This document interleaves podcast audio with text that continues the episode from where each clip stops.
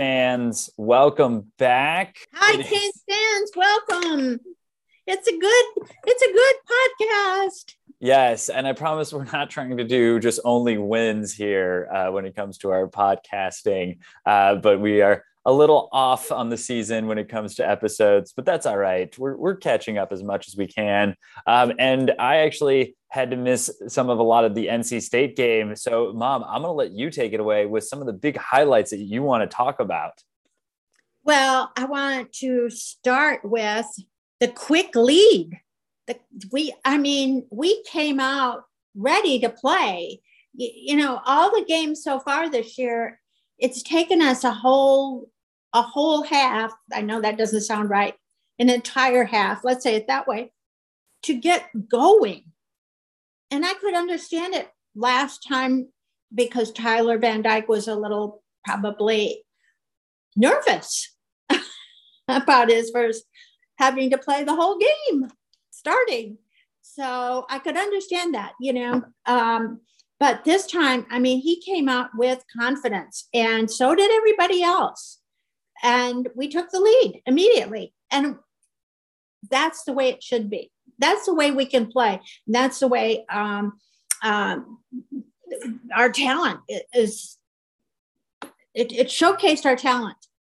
It's the age old thing of the last or not age old, I guess, but the issue for the last 15, 20 something years now, where Miami comes out as flat as possible, all of a sudden gets it together in the second half, shows the type of speed and athletes that they have to make it a game comeback, but then always end up falling short because of how poor their first half was. Uh, it is very rare that Miami, especially since uh, the early 2000s, puts a full game together. And it seemed like that happened in NC State a lot more. Um, and especially too, and, and, speak a little bit more on this, mom, the fact too that Miami, even though it, they did do well, they did end up playing from behind for a little bit there and did have to come back. Well, you could understand that. I mean, we weren't even favored to win. So um, it was not a surprise that we were behind at some point in the game, but we came back and we won. We did. And again, that's something that I think speaks volumes right now of where this team's going. You know, it's it's such a weird season because obviously you had the, the big fall. If you had a you know a really hard game against Alabama, then you have this Michigan State game that we thought we were going to win, but now it turns out Michigan State's going against Michigan, and if they win, they're going to be a top five team after this weekend. Then right. all of a sudden you have a Virginia game that I, I, think that one is probably the most inexcusable loss of all of them, and especially too since you came back and missed a, a field goal um, that should have won the game for you and going from there. And and then you look at the UNC game and it was pretty much the same situation as that Virginia game. It, it, it's it's a season now that's kind of like a what ifs. Again if you only lose to Alabama and you lose to Michigan State and, and you're taking care of ACC play you can justify these losses. You can start saying okay Manny Diaz actually has this thing going. But it, uh, it it's a, it's almost a little bit frustrating to win this NC State game. I'm really happy they won. I'm always happy for a Canes win. Um, but again, it's it's what this team can do for all four quarters, which is impressive, and especially like you know I was talking about alluding to, they went down and they still battled and they found a way to win this game this time. Well, another one of the highlights and and kind of follows on that same point is that they were down to fourth and one I can't remember what quarter that was. I think it was in the first half. And they went for it. And and they didn't go for it on a run.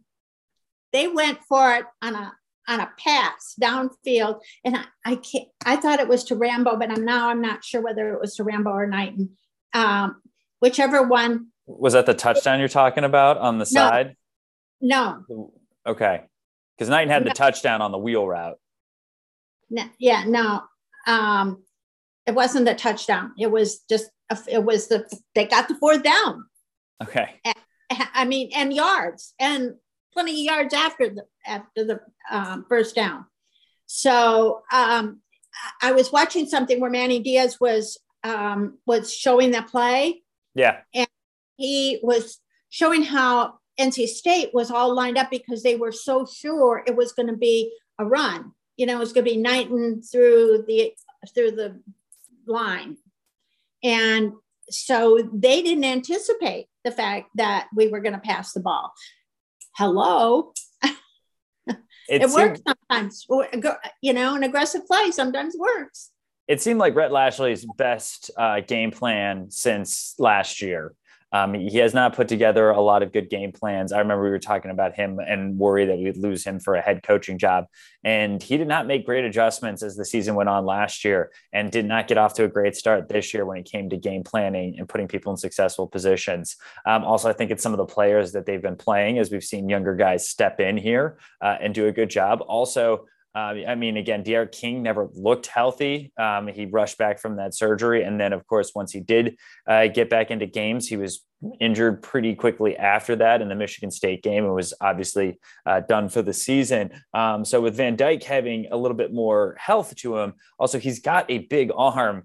it's nice to see him try and stretch the field and throw the ball deep. I mean, they're taking shots, um, which is pretty cool. I, again, I don't, I don't think Van Dyke's the the answer for us long term, but he's definitely getting a lot of great refs. And, and maybe I'm wrong, but he can throw the ball deep. Now he does make a lot of mistakes, and it's one of those you I look at it and I go from the box score and from looking at his stats saying, wow, what a great game. But some some of the highlights and some talking to others, it didn't seem like the smoothest of games from. Is that what you saw, mom? Yeah. I mean, look, like he's only played two games as a starter. So, what can you expect? He's going to make some mistakes. He's going to make some bad judgment. Calls. I know, I understand that, but we got that. It's, these guys, these guys are getting ready, though. You know, but hopefully by his third game, you're seeing some progress. Explain a well, little bit more about the struggles that he went through. What specifically did you see on the field that he needs to still improve on going into the next few weeks?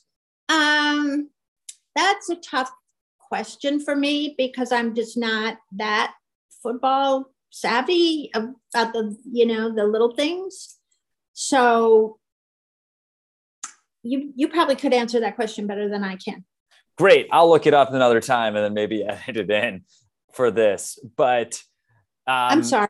Yeah you're good. It's all good. I put it was a tough question for you. That's my fault as hosting a podcast and not giving you too much heads up about that question coming. So as as a teammate and anything that I need to recognize for my play next time if I'm quarterbacking this podcast, I need to do a better job of prepping my teammate when I ask them a question that's very specific. So we at least learned a lot about ourselves here and how we can support each other as teammates. Just like Tyler Van Dyke is still improving as a quarterback, we're still looking to improve as podcasters. so I, I want to point out another highlight, which was um, an accident that really kind of fell in our favor, and that was the interception, where or not the interception, the fumble, and the fellow that fell on it from NC State, his helmet came off, and, so they didn't they didn't get that. They didn't get the turnover, and it was on the technicality and. Uh, Manny Diaz was saying when I listened to one of his interviews that it was the guys on the sideline that were screaming and yelling that they knew that that was a, um, a, a violation that that he didn't he didn't have the ball because his helmet came off and, and fortunately they made a big enough stink about it that that they you know reviewed the play well, it's nice we get a call to go our way because I could still see that being the letter of the law and still not going Miami's way. but I mean, it, it's interesting, you know, seeing Knighton play at running back and, and, kind of forcing him to get in more now because um, Cameron Harris is now out for the season. Um, Chaney's out for the season. And I mean, Knighton has always, you know, him and Chaney look kind of like the next group. I mean, he puts his foot down, he puts his foot in the ground and goes. Um, and he seems to be a pretty good uh, uh, pass catching running back, um, obviously on the big touchdown play. You know, it's just one of those, again, it, it's sorry, it's not fair because he was suspended. So obviously he couldn't play at the beginning. But once he got back, the fact that again we were still forcing Cameron Harris down everyone's throats, even after Chaney was, you know, when Chaney was healthy, I, I just it worries a little bit me about what's happened at, with the coaching staff and why we were playing a lot of these older guys that obviously weren't making the plays um, to give put them in good positions to win. There was one play I made a note of, and it might have been the uh, North Carolina game where we were playing Cameron Harris on such an obvious play where it we shouldn't have been. It, it, just and and it was so frustrating. It was like, why are we why are we giving the ball to him? It's not going to get us anywhere. Yeah. Um, now we don't have that option, and gosh, things have worked out better. Yes, it, it just looks flashier. I mean, again, I know Cameron Harris is a is a you know kind of wants to be a pound the ground back um, and you know play a lot more of that power running game. But just Lashlee's offense seems to be much more of a high speed, good running back. Um, you know that that just again get, is speed. Like it just seems to be speed offense, and it's nice to see that. And, and Knighton seems to complement that offense really well when he's okay. going in there. As somebody who played football, because I didn't, what's the difference? Um, I mean, are the plays really any different with Harris versus Knighton? And why are they working with Knighton when they didn't work with Harris? I mean, sometimes it's just talent.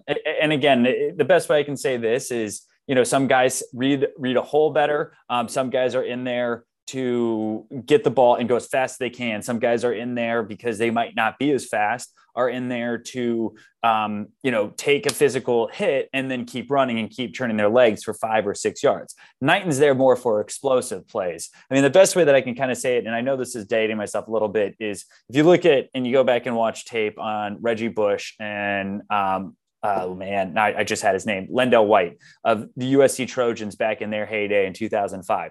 Reggie Bush was, you know, was lightning and thunder. And it literally was that Reggie Bush was just a guy that could get the ball and make guys miss, never get touched. Well, White was a guy that could get the ball and he was going to run you over. He was not going to make you miss. And it was just a good compliment because you have all of a sudden this one player that's really hard to catch, but then this one player you can't tackle and it's really exhausting for a defense to do.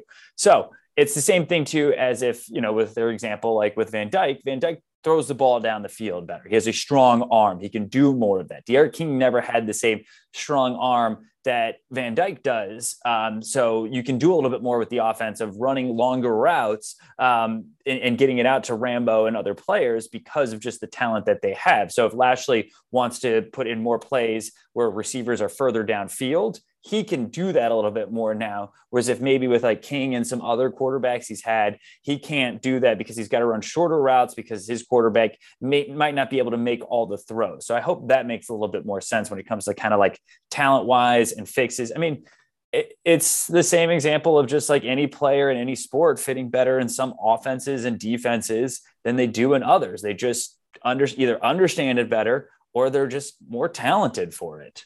Well, and Van Dyke has a good six inches on D'Eriq King. Also. Yes. Yes. I mean, that, that too, it helps to be able to see a lot more off, over the offensive line. The telescope factor is a little bit more efficient. yes. I thought that the O line gave uh, Van Dyke a great deal more protection. I mean, he he had he he had a comfortable pocket to throw from in a lot of plays. Yes, they looked a, lot better in, that sense. So it, it, it's it, you know you obviously get the win, which is really positive. The close game, which was really surprising. We both picked UNC to run over um, Miami and and end really the Manny Diaz era. Instead, they come out and they play really well. I mean, what's been shocking is how much this program seems to be in shambles. The fact that these players have come out and played so well um, for Manny Diaz and the coaches and everyone else and really almost you're almost kind of thinking like oh my gosh if they win out or they have a lot of success they might actually keep manny diaz here um, just because of how much backing they have with their players right now so it, has been it's been great and again it goes into a lot more of you know kind of the the freshmen stepping out i know i'm going to put you a little bit on the spot here but have there really been any freshmen that have you know you've seen that you've really liked to see and have, have done a really great job keyshawn smith yep the, the, the wide receiver. Yep. Yeah, I think he's been good. Um, there is uh, James Williams, who's that, that was the one I was hoping you were going to say more about. He has been all over the field. He had a dumb penalty against UNC at one point, but he is just playing aggressive. He seems to be a big game changer, especially now that we've lost Bubba Bolden. And again, it's been weird to watch Bubba Bolden regress so much. And, and again, I worry that that's some of the coaching, but man, James Williams has been fantastic. And then add in um, Kinchens, who's been also very good for them.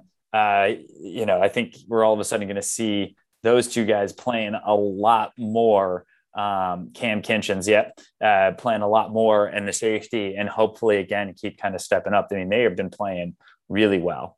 Restrepo.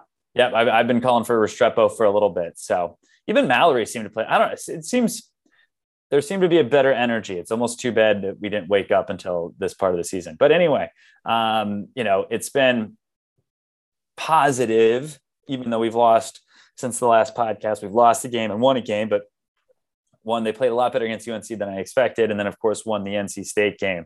Um, Diaz seems to have his team motivated. So we'll see where this goes in the coming weeks.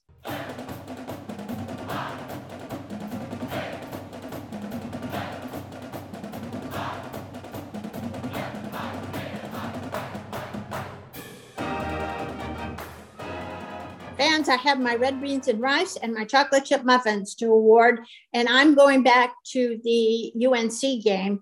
And um, I, because players that I wanted to call out, not call out bad, but call out good um, from the NC State game, but they also did well in the UNC game. So I'm going to, I'm going to use both games to they get double servings. I like it. Yeah, exactly. So going back to the UNC game, I'd like to call out. Um, oh, let me make sure I get the right game here. and I'm sorry, I, I, shouldn't say call out because that's a negative. Award, yeah. Award, award. Okay, Knighton, Knighton for the chocolate chip muffins. And I mean, he stepped in when Harris was injured. I mean, he just stepped in in the UNC game, and and he hasn't stopped since. So, I would have given him the chocolate chip muffins this game, but I want to give them to somebody else, so I'm giving them to him for the uh, UNC game. Not that I didn't think he did a great job this week too. And the other one is for the red beans and rice for the UNC game is James Williams. Your guy. both great choices. One both of your great guys. choices. I've already commented both a lot about them. So who do you got for the NC State game and who are well, you awarding, not calling out? These are these are very specific reasons. These aren't game reasons. These are play these are significant plays that they made. Wow. Chocolate chip muffins go to um, Mallory. Okay. Will Mallory, that is the tight end. Yes, yes. Because of that catch that he made in our last possession that gave us the first down, that bought us the time, make the game go away. Run out the clock, as they say in football. Run out the clock. yeah. So I, I, you know what? You should ask all commentators to just say that from now we just want to make the game go away. Win the game. So that that would be that would be my pick. Um, you know, and he did have a touchdown. I mean, he had three really major plays, but that one was that one was worth his worth the, the pay that he doesn't get. Yeah. his salary. And the other, um, and the red beans and rice, I know that I've already given uh, the award to uh, what? Nothing. You're doing great. to kitchens. I mean, wait, you've already labeled as. there's just a lot of really fun stuff happening between just make the game go away. That all of a sudden Will Mallory's on a salary. So that's all right. That, that won't be any type of viol- booster violation. I know there's NILs, but they still can't be on salary. Keep going on red beans and rice. You know I'm joking. Okay, the red beans and rice. No, no, we all thought you were really serious, Mom. We thought for sure that you were dead serious and had insider information that Will Mallory was getting paid somehow. Yeah, right. You've cracked the case. You are that is a scoop right there. And, and as I was saying, uh, the red beans and rice goes to Kitchens again for the stop that he made the, on the last NC State pos, uh, possession. I, I mean that the the receiver had like two yards to go before he got a first down, and Kitchens came in, and that was the end of that play. And they didn't get it. They, and the ball was ours. And then Mallory made the first down, and then the game was over. And we made the game go away. just like this segment. Yeah.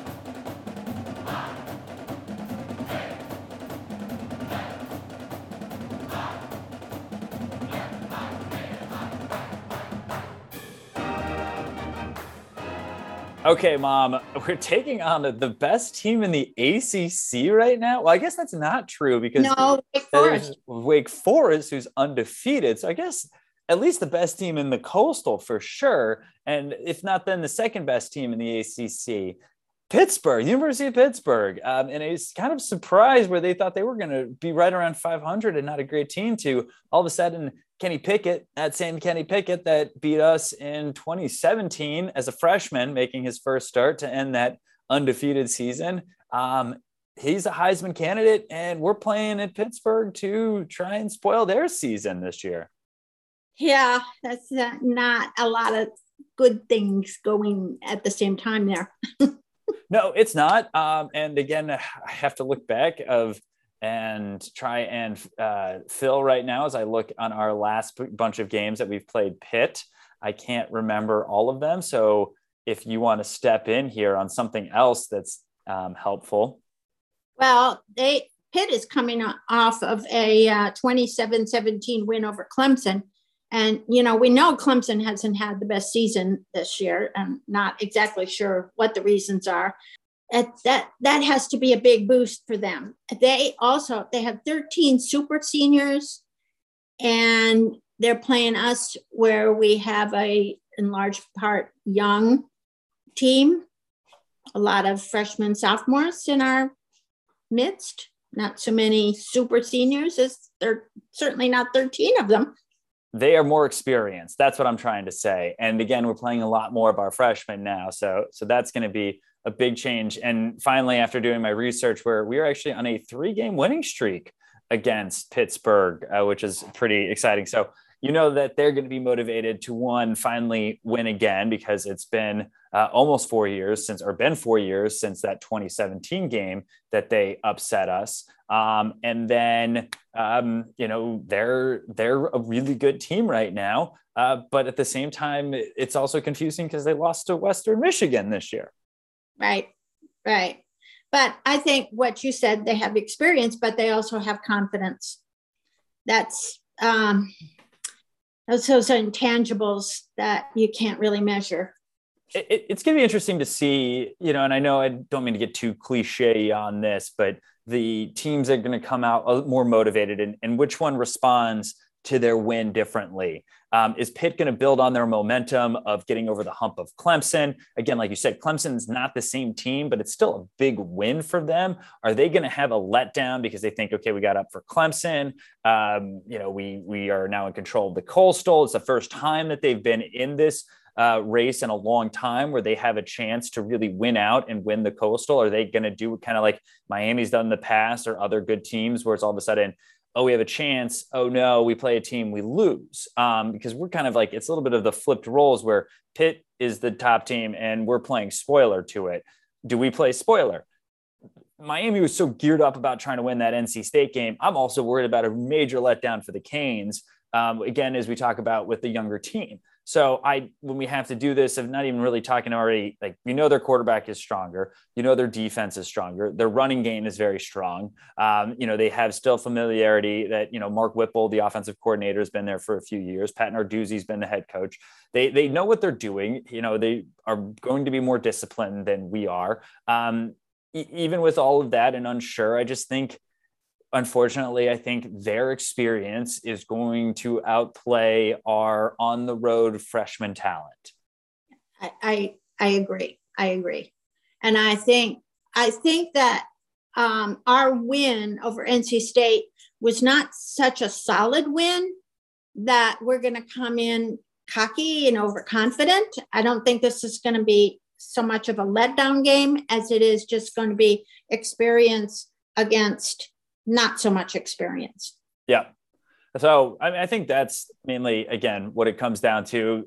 And nobody can tell this ACC Coastal is is crazy right now. And, and Pitt, pretty much, if they win this game, they're pretty good control for the rest of the season of, of what happens. If they lose this game, then they're just one loss away from you know everything going, um, you know, up and things like that in the coastal, and, and who knows who could come away with this. So for Pitt, this is a huge game for them, and just to get in control and be in control for the rest of the season when it comes yeah, to playing this, the this ACC would, title game. This would I I think a win on this game would probably ice it for them for the you know you're a month away then where you pretty much have to lose two if not three games um, to to not be in it so you know, it, it, should be interesting. And then again, hopefully Miami kind of recognize that of like, hey, if we want to crawl back into this in any way, any way, how, like we have to win this game this weekend. So, you know, it should be interesting. I'm going to get into predictions right here. I think it's going to be very similar to that Clemson game where it's not going to be very high scoring. I think we're going to see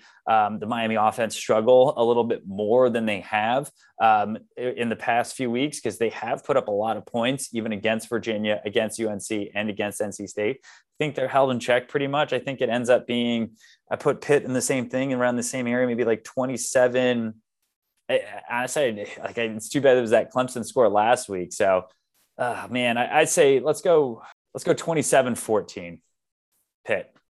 I have us 24 and them 35. All right. Yeah. I mean, I can see that too. You know, I'm worried that the game gets away from us. They start scoring. You know, that I just, I'm, I'm very worried about that, that blowout that we thought has been coming for Manny Diaz and kind of waiting for to be the final nail that gets him knocked out of his head coaching job, I feel is still always one game away. I, I could also, yeah, I could see this game being like 45 10 or something. Um, and Pickett has his Heisman performance. So we're also well known in doing that of all of a sudden putting the guy that's like borderline Heisman into the Heisman thing. Sam Bradford, Tim Tebow, other people. So I'm a little bit nervous about that. Yeah, this game could go any any which way. I don't I don't know. I, I mean, I'm just pulling numbers out of the air. After the last two weeks, who knows? All right. Well, we do know that we always break it down. So let's break it down and get these good people out of here. Uh, C-A-N-E-S Haynes. This has been another episode of Walking On with Chris Hayes featuring Mama Hayes. Go Canes!